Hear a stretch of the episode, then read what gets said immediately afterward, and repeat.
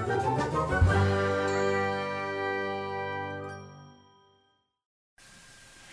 halo hai Sivita Supi, selamat datang di UPI Podcast. Oh ya, by the way, perkenalin, nama aku Yosi, dan aku akan menemani Sivitas UPI dalam program Bibir, Bincang-Bincang Ringan. Nah, pada kesempatan kali ini, kita akan mengusung tema yang sangat spesial nih, terutama di kalangan perempuan Indonesia. Sivitas UPI pastinya tahu kan kalau misalnya pada hari ini, tepatnya pada tanggal 21 April telah lahir seorang superhero dari Indonesia yang bernama Raden Ajeng Kartini. Nah, beliau ini merupakan seorang uh, aktivis yang juga menyuarakan tentang kesetaraan hak perempuan. Maka demikian, untuk memperingati hari yang istimewa, kali ini aku bersama narasumber yang super keren-keren banget nih. Mungkin Sivitas UPI pada penasaran kali ya? Langsung aja deh kita kenalan sama teteh cantik yang ada di depan aku. Hai, Teh Adel dan juga Teh Revi. Halo. Halo. Oke, mungkin teteh-teteh sekalian bisa langsung kenalan diri dulu ya ke Sivitas UPI. Kayak siapa nih nama teteh dan dari mana gitu. Um, aku dulu ya. Boleh, boleh.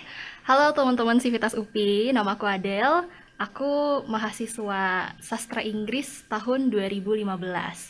Oke, kalau Teh Revi sendiri?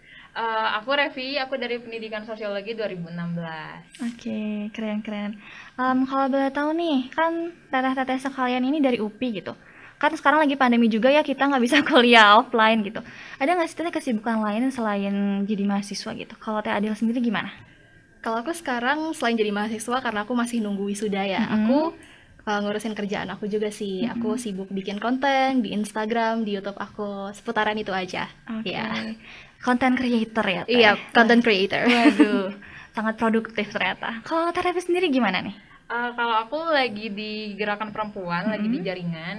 Jadi uh, kebetulan tiga tahun atau empat tahun ini aku sama teman-teman UPI yang lain lagi fokus di satu kolektif, satu organisasi namanya Reswara. Mm -hmm. Jadi Reswara itu kolektif yang concern di kekerasan seksual. Mm -hmm. Jadi di kampus gitu ya dan berjejaring juga sama kampus-kampus lain gitulah kayak apa ya kayak nongkrong ke nongkrong ngobrol-ngobrol seputar gender seputar perempuan kayak gitu. Okay. di sini diskusi juga kadang. Luar biasa. Ya memang sangat mempresentasikan kartini muda Siftas UPI ternyata teta-teta di sini. Kalau boleh tahu nih teh tadi kan Reswara ya namanya ya? Mm -hmm. itu tuh dari kapan sih teh? Ada di UPI? Kalau yang organisasi itu empat um, tahun tiga tahun yang lalu hmm. 2018an 2018. sekitar bulan Agustus kalau nggak salah. Oh Agustus ya. Berarti udah lumayan lama juga lumayan ya. lama. Berarti sudah banyak yang dilakukan nih sama teh Revi dan tim ya? Iya. Bisa dibilang. Oke. Okay. kalau teh Adel sendiri kan konten creator ya teh? Kalau boleh tahu dari kapan nih teh Adel menggeluti uh, ranah itu gitu kalau untuk content creatingnya sendiri aku hmm. mulainya itu dari 2014 hmm. cuma aku kayak mulai aktifnya itu pas aku kuliah jadi mulai aktif aktif aktif aktif dari aku masuk kuliah 2015an tuh 2015 hmm. sampai sekarang ya kayak gitu oke okay. berarti udah lama juga ya teh kalau ya. jadi content creator sekitar lima tahun ya hmm, lima enam enam deh kalau dari 2014 okay. enam ke tujuh Oke kan berhubung sekarang itu lagi hari Kartini ya teh. Hmm. Kalau menurut teteh sebagai seorang Kartini muda nih, apalagi teh Adel kan influencer gitu ya.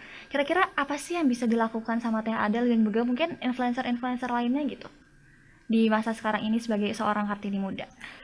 Um, kalau Kartini muda itu definisinya kayak apa sih? Kayak kalau dari Teh Oke, okay. kalau menurut aku tuh kayak ya sosok-sosok teteh ini gitu yang kayak uh. sangat uh, mempengaruhi orang itu dengan hal-hal yang mungkin orang-orang lain nggak lakuin. Kalau misalnya Teh Adel kan seorang influencer ya, mungkin Teh Adel, aku tuh sering tahu ngelihat Instagramnya Teh Adel yang kayak suka ngasih informasi tentang hair care rutin, sales watches juga tentang informasi-informasi film. Menurut aku di situ adalah um, Adel seorang sebagai seorang kartini gitu. Karena kan mungkin definisinya berubah ya seiring berjalannya waktu gitu kan. Kalau dulu kalau Raden Ajeng Kartini mungkin lebih kayak um, mereka itu lebih sus lebih lebih apa ya namanya? Kayak berbeda lah dengan kita yang sekarang.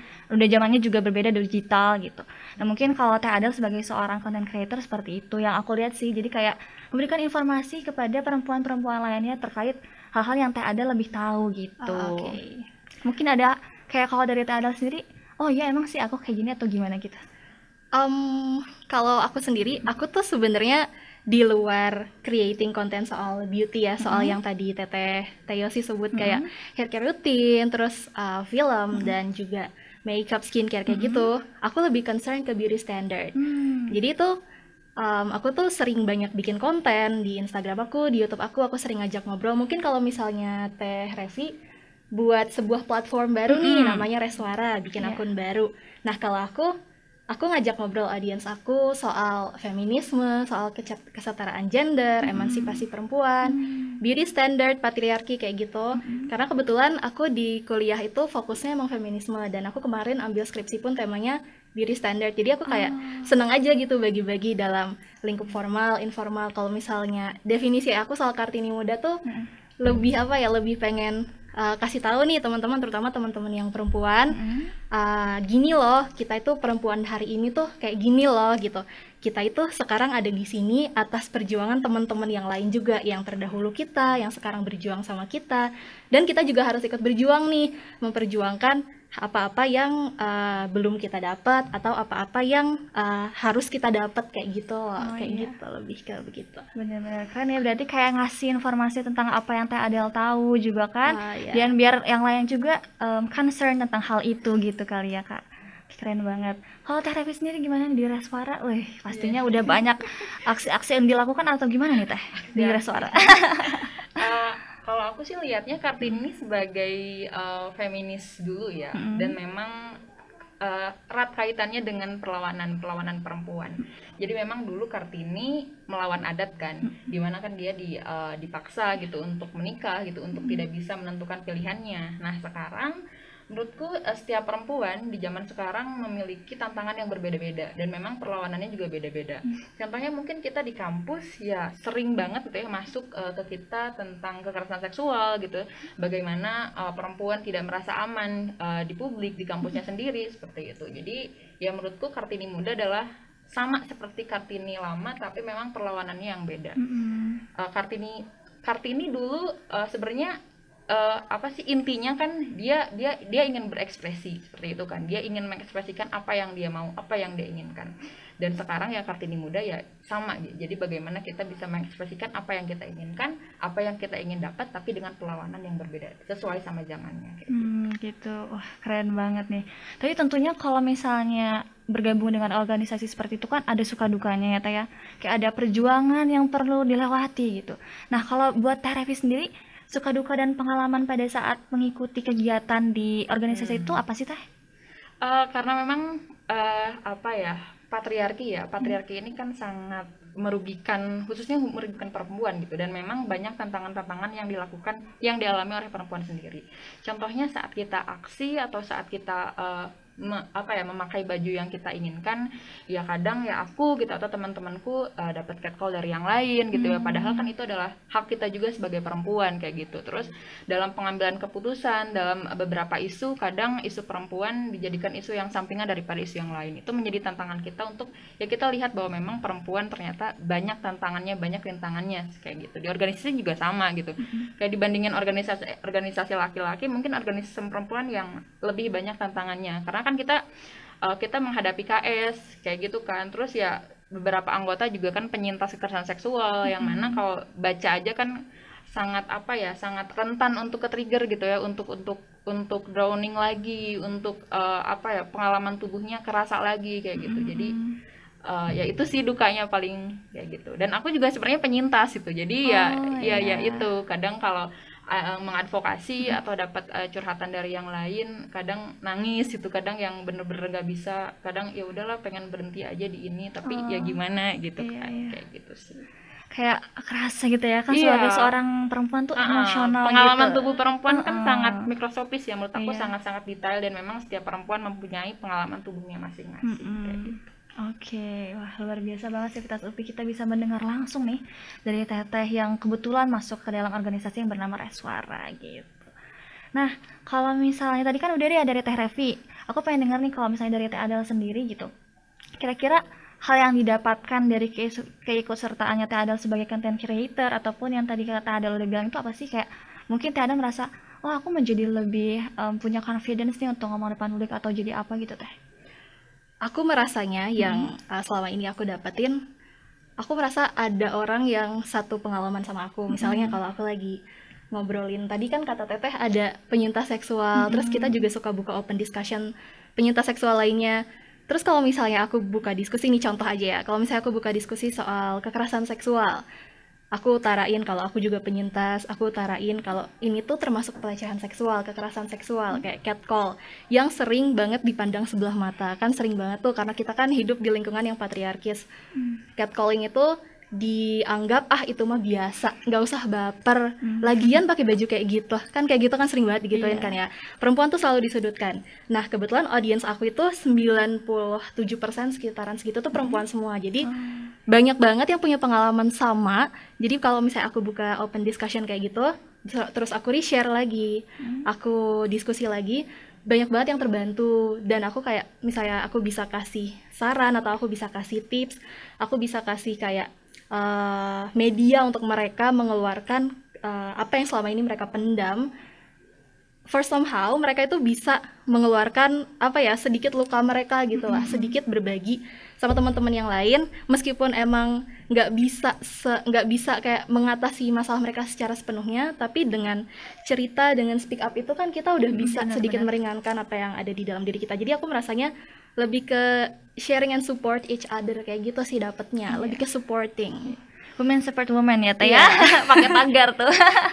Iya bener banget emang. Jadi kalau misalnya kita itu punya sesuatu yang dipendam emang harus diutarakan ya Teh. iya iya. Mungkin dengan bercerita seperti itu em, bisa melegakan bagi mereka yang mungkin pernah merasakan hal yang tersebut seperti itu gitu kali ya.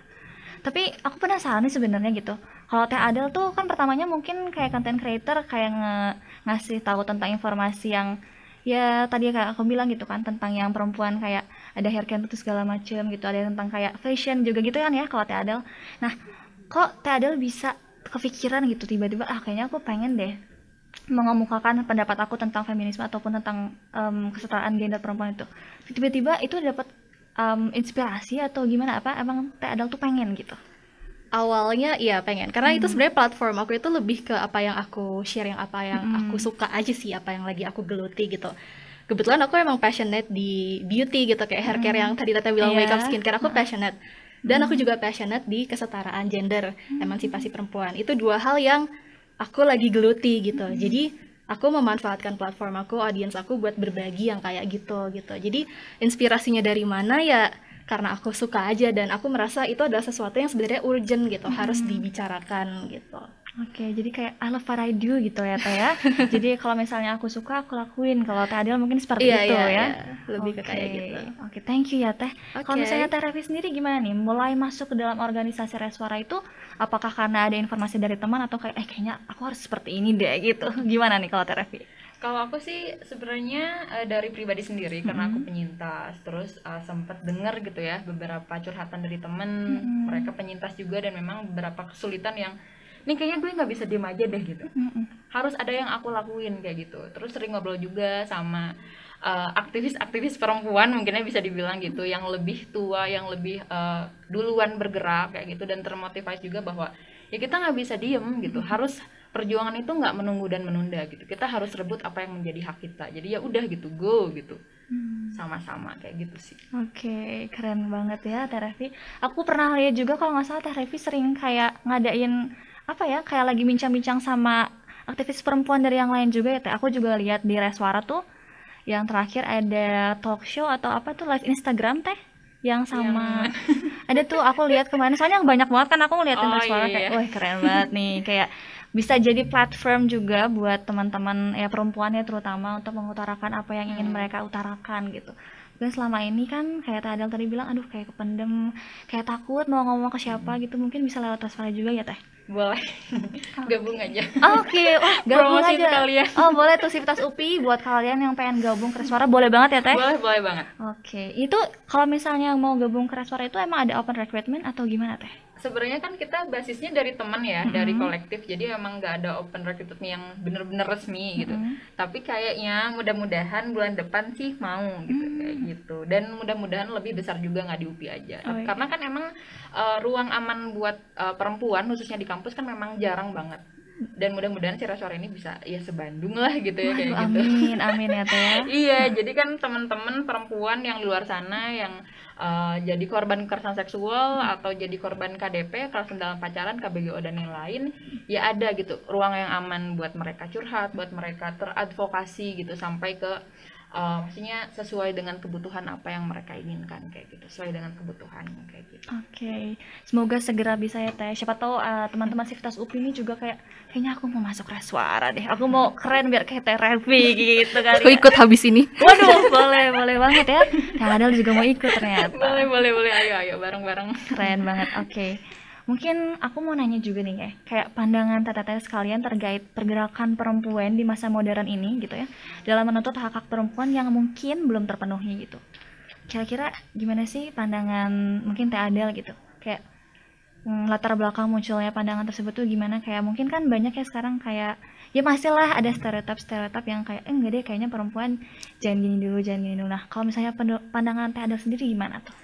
Setiap orang pasti personal ya, apa yang bikin mereka merasa kalau uh, punya pandangan kayak gitu dan kenapa harus itu tuh diperjuangin. Kalau dari aku sendiri nih, mungkin nanti beda sama Terevi juga.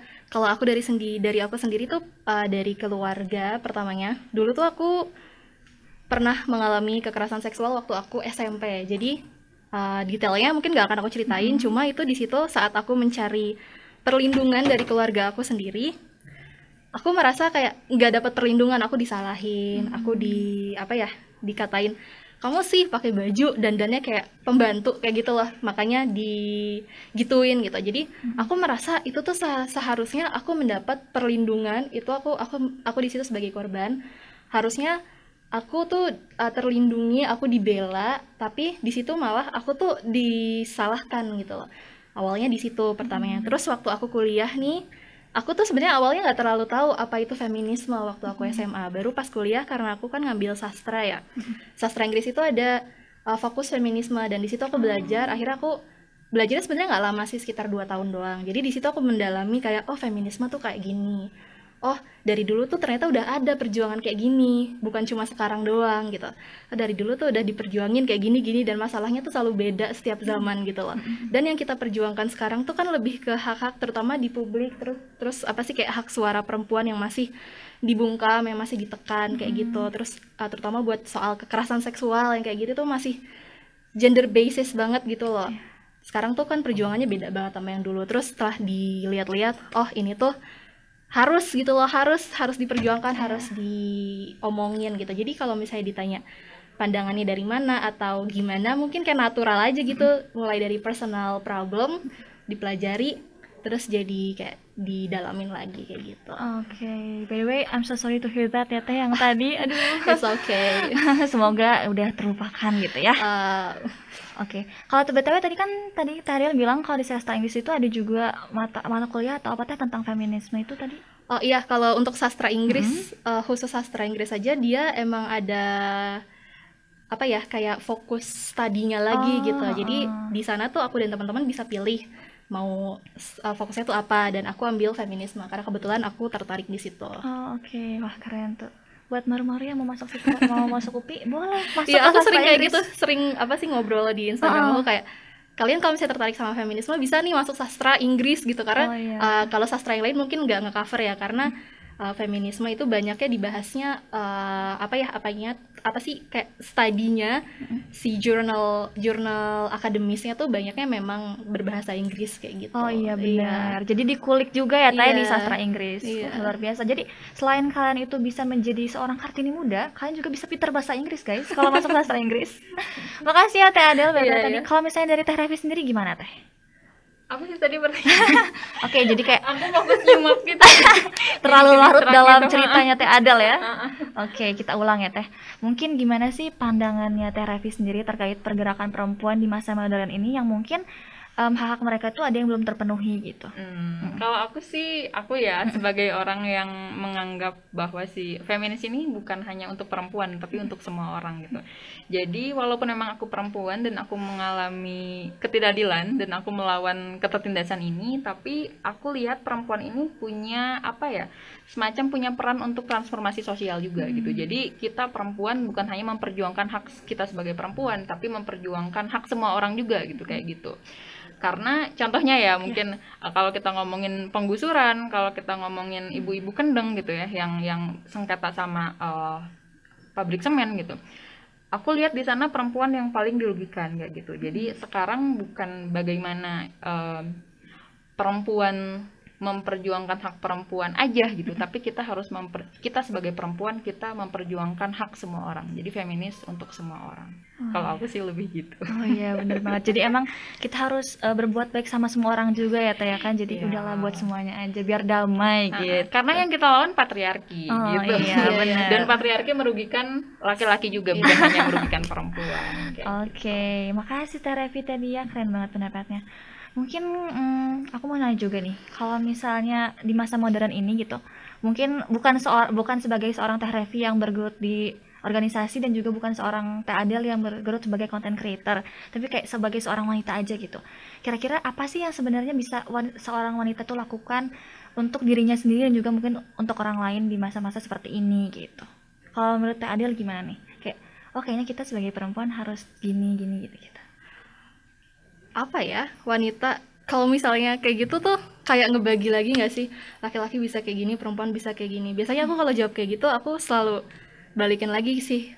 Laki-laki bisa apa? Perempuan juga bisa kayak gitu kok. Misalnya kayak sekarang nih laki-laki bisa memimpin laki-laki bisa punya usaha yang kayak gini laki-laki bisa bergerak bersuara di bidang ini perempuan juga bisa. Cuma untuk saat ini yang bikin perempuan gak bisa itu biasanya karena mereka kurang dikasih lahan.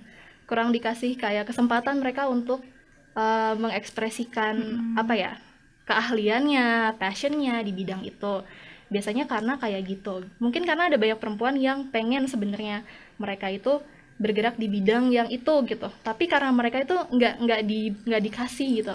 Mungkin bisa sama keluarganya bisa sama uh, lingkungannya bisa sama atasannya. Kalau misalnya menurut pengalaman teman-teman aku nih yang udah pada kerja uh, perlakuan perempuan dan juga lah karyawan perempuan dan karyawan laki-laki di tempat mereka kerja tuh dibedakan kayak gitu loh. Kayak Oh, iya. cepat promosi yang laki-laki. Kalau perempuan tuh mereka kalau misalnya mau promosi ditanya dulu nih kamu ada rencana nikah nggak ke depannya? Oh, iya, kamu ada iya. rencana hamil nggak ke depannya? Jadi seolah-olah pernikahan dan kehamilan perempuan itu adalah sesuatu yang membuat perempuan itu tidak berkompetensi sekompeten laki-laki kayak gitu loh. Jadi uh, yang kita perjuangkan tuh itunya gitu haknya. Kita pengen membuka jalan yang sama gitu untuk laki-laki dan perempuan. Jadi kalau ditanya apa yang bisa perempuan lakukan, banyak banget. Salah satunya yang uh, Teh Revi lakukan ini uh, membuat organisasi Reswara itu tuh banyak mengedukasi teman-teman lain soal hal-hal yang kayak gitu juga. Jadi teman-teman yang ternyata belum tahu bisa dengan tahu. Jadi kayak saling support, saling edukasi untuk saat ini kayak gitu. Oke, bener banget teh, bagus bagus. Terima kasih ya teh Adel. Kalau teh Revi gimana nih? Kalau aku sekarang gitu enggak maksudnya enggak dalam si resuara ini enggak concern sama resuara ini. Menurutku s- aku ya aku pribadi walaupun memang aku eh, apa ya aku nggak menutup mata deh. Kalau aku sekarang di sini aku dengan privilege gitu dengan dengan hak istimewa. Dan ya saat eh, aku sadar gitu aku sebagai perempuan yang mempunyai hak istimewa berarti gimana caranya hak istimewa aku bisa eh, menguntungkan banyak orang. Itu sih sebenarnya simpelnya kayak gitu. Karena kan ngomongin perempuan penindasannya beda-beda. Contohnya mungkin eh, perempuan dengan kulit berwarna itu lebih itu ya lebih lebih banyak gitu ya penindasannya kayak gitu terus perempuan-perempuan yang tidak bisa mengakses pendidikan yaitu kan eh, susah gitu ya untuk mengakses pendidikan. Jangankan untuk mengakses pendidikan gitu ya untuk baca buku untuk cari jurnal dan yang lain gitu ya. Ya mereka eh, gimana caranya mereka eh, cari uang eh, saat mereka lapar ya mereka makan itu kan. Jadi ya mungkin aku sekarang walaupun memang aku nggak concern lagi di jaringan di gerakan perempuan ya aku akan memanfaatkan privilege aku hak istimewa aku untuk bagaimana berguna untuk semua orang kayak gitu. Mulia sekali teh Revi ini benar-benar ya. Keren nih. Oke, kalau gitu em, Teh Revi sama Teh Adel punya nggak sih saran atau solusi terkait permasalahan dalam pergerakan perempuan saat ini gitu? Kayak ya menurut Teh Adel gimana? Ada nggak sih saran atau solusi terkait hal-hal tersebut gitu? Saran kalau untuk solusi sih kayaknya uh, kita semua juga sambil cari solusi kita semua Hmm. memperjuangkan hak yang sama kita semua memperjuangkan hal yang sama kayak gitu. Kalau untuk saran sih apa ya untuk teman-teman jangan takut buat speak up jangan takut buat obrolin aja gitu hal-hal kayak gini. Uh, jangan takut sama stigma stigma yang ada di masyarakat kayak jang kayak perempuan. Aku dulu waktu awal-awal speak up tuh aku dibilang sama orang-orang perempuan kok ini banget sih kayak terlalu vokal banget. Perempuan kok uh, apa ya, hal-hal kayak gitu tuh di ini baper banget kayak gitu. Nah teman-teman terutama teman-teman yang perempuan yang suka dapat stigma-stigma negatif dari patriarki baperan lah. Terus nggak boleh galak-galak lah kayak gitu. Uh, menurut aku nggak usah dipikirin gitu. Kalau misalnya kalian merasa uh, you're doing something right then do it then do it gitu. Kalau misalnya kamu merasa apa yang kamu lakukan itu benar dan menguntungkan banyak orang just do it gitu. Lakuin aja gitu. Itu untuk kepentingan semua orang juga kayak gitu Oke, yang penting hal-hal yang Berani, baik gitu iya. ya. Berani kayak kalau misalnya di Indonesia itu ada kayak Najwa Shihab gitu ya. oh iya iya Itu kan ada apa Ibu Susi Pujiastuti juga berani gitu Iya, iya, menugulkan ikan-ikan apa? perahu gitu kan. iya, Iya. iya, iya. Jadi emang jadilah harus berani. mm, jadilah perempuan yang berani Oke. gitu. Dari Teh Adel, jadilah perempuan yang berani. Begitu sih Vita Supi. Oke, kalau dari Teh Revi sendiri nih, apa sih ada nggak sih saran atau solusinya gitu? solusinya sebenarnya bukan dari aku ya mungkin dari buku yang aku baca gitu Oke, ya oke. jadi Bell Hooks uh, bukunya uh, Feminist for Everybody feminis untuk semua orang. Jadi kan uh, sekarang gitu ya di di Indonesia khususnya banyak beberapa gerakan yang apa ya yang sangat membenci gerakan perempuan gitu Iya, ya. kalau kita ngomongin RUU PKS pasti ada yang kontra RUU PKS juga kayak gitu. Dan kebanyakan orang uh, salah mengartikan gerakan perempuan ini gitu. Seolah-olah gerakan perempuan ini adalah gerakan yang membenci laki-laki gitu. Padahal enggak gitu loh. Enggak loh gitu. Banyak uh, maksudnya gerakan perempuan ini bukan hanya uh, melulu perempuan tapi untuk untuk untuk semua orang gitu untuk semua semua masalah kayak gitu. Jadi ya pesannya menurut aku ya ayolah kita bersolidaritas ayolah kita uh, berjuang bersama gitu untuk kehidupan yang lebih baik. Karena ya kesetaraan dan kebebasan itu keniscayaan menurut aku bukan sesuatu yang utopis. Asalkan kita bisa bersama-sama melawan sebenarnya apa sih gitu musuh kita tuh siapa dan apa yang harus kita uh, lawan kayak gitu. Kalau aku sih lebih kayak gitu ya. Oke. Thank you ya Teh Revi. Mungkin ini nih yang terakhir, ada nggak sih pesan yang mau disampaikan untuk para sivitas UPI yang lagi denger podcast kita gitu? Mulai dari Teh, eh dulu boleh. pesannya dalam apa nih Apa pun. oh apa Dari buat eh, dari Teh Adel untuk sivitas UPI Oh, oke gitu. deh. Mungkin mengutip tadi yang udah aku bilang, jadilah perempuan yang berani, terutama buat ini buat teman-teman yang perempuan ya.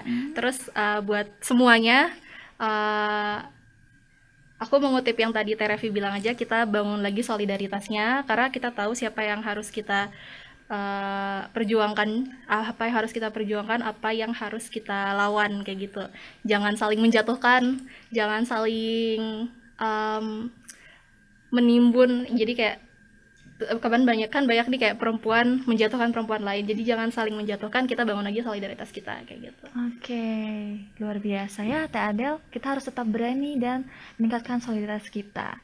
Kalau Teh Revi gimana? Pesan-pesan apa yang akan disampaikan kepada para sivitas UPI nih? pesannya menurut aku sih apa ya bentar Eh, merdeka adalah bebas dari diskriminasi dan kekerasan seksual itu sih jadi diskriminasi dari eh, segi apa pun relasi apa pun kekerasan seksual eh, perempuan laki-laki atau gender yang lainnya jadi ya menurut aku ya semua orang juga berhak untuk merdeka gitu Mhm. berhak untuk terbebas dari diskriminasi dan kekerasan seksual itu hal yang niscaya yang harus didapatkan oleh semua orang gitu. Oke, luar Itu sih. biasa. Kalau gitu tadi udah ada nih coach dari Teh Adel dan Teh Revi. Sekarang aku mau menyampaikan em, kata-kata yang dulu pernah dicanangkan oleh Raden Ajeng Kartini. Beliau pernah berkata bahwa banyak hal yang dapat menjatuhkanmu, tapi sesungguhnya hal yang dapat membuatmu jatuh adalah dirimu sendiri. So, buat Civitas UPI di mana pun kalian berada, seperti yang dikatakan oleh Teh Revi tadi, tetap harus berbuat baik kepada semua orang gitu ya semuanya. Jadi karena sesungguhnya berbuat baik itu bisa membuat hal itu menjadi lebih indah untuk diri kita sendiri dan juga untuk orang lain. Betul terima kasih banyak ini Tete-Tete udah menyempatkan hadir dan juga sharing-sharing sama aku dan juga Sivitas UPI yang nonton. Semoga kita bisa ketemu lagi ya di lain waktu gitu. Sukses terus ya Teh ke depannya. Ya, Dan juga aku juga akan mengucapkan terima kasih banyak kepada para Sivitas UPI yang udah nonton kita dari awal sampai akhir. Sampai jumpa di bibir selanjutnya, bincang-bincang ringan yang tentunya dapat membuat hari kalian menyenangkan. See you on the next episode.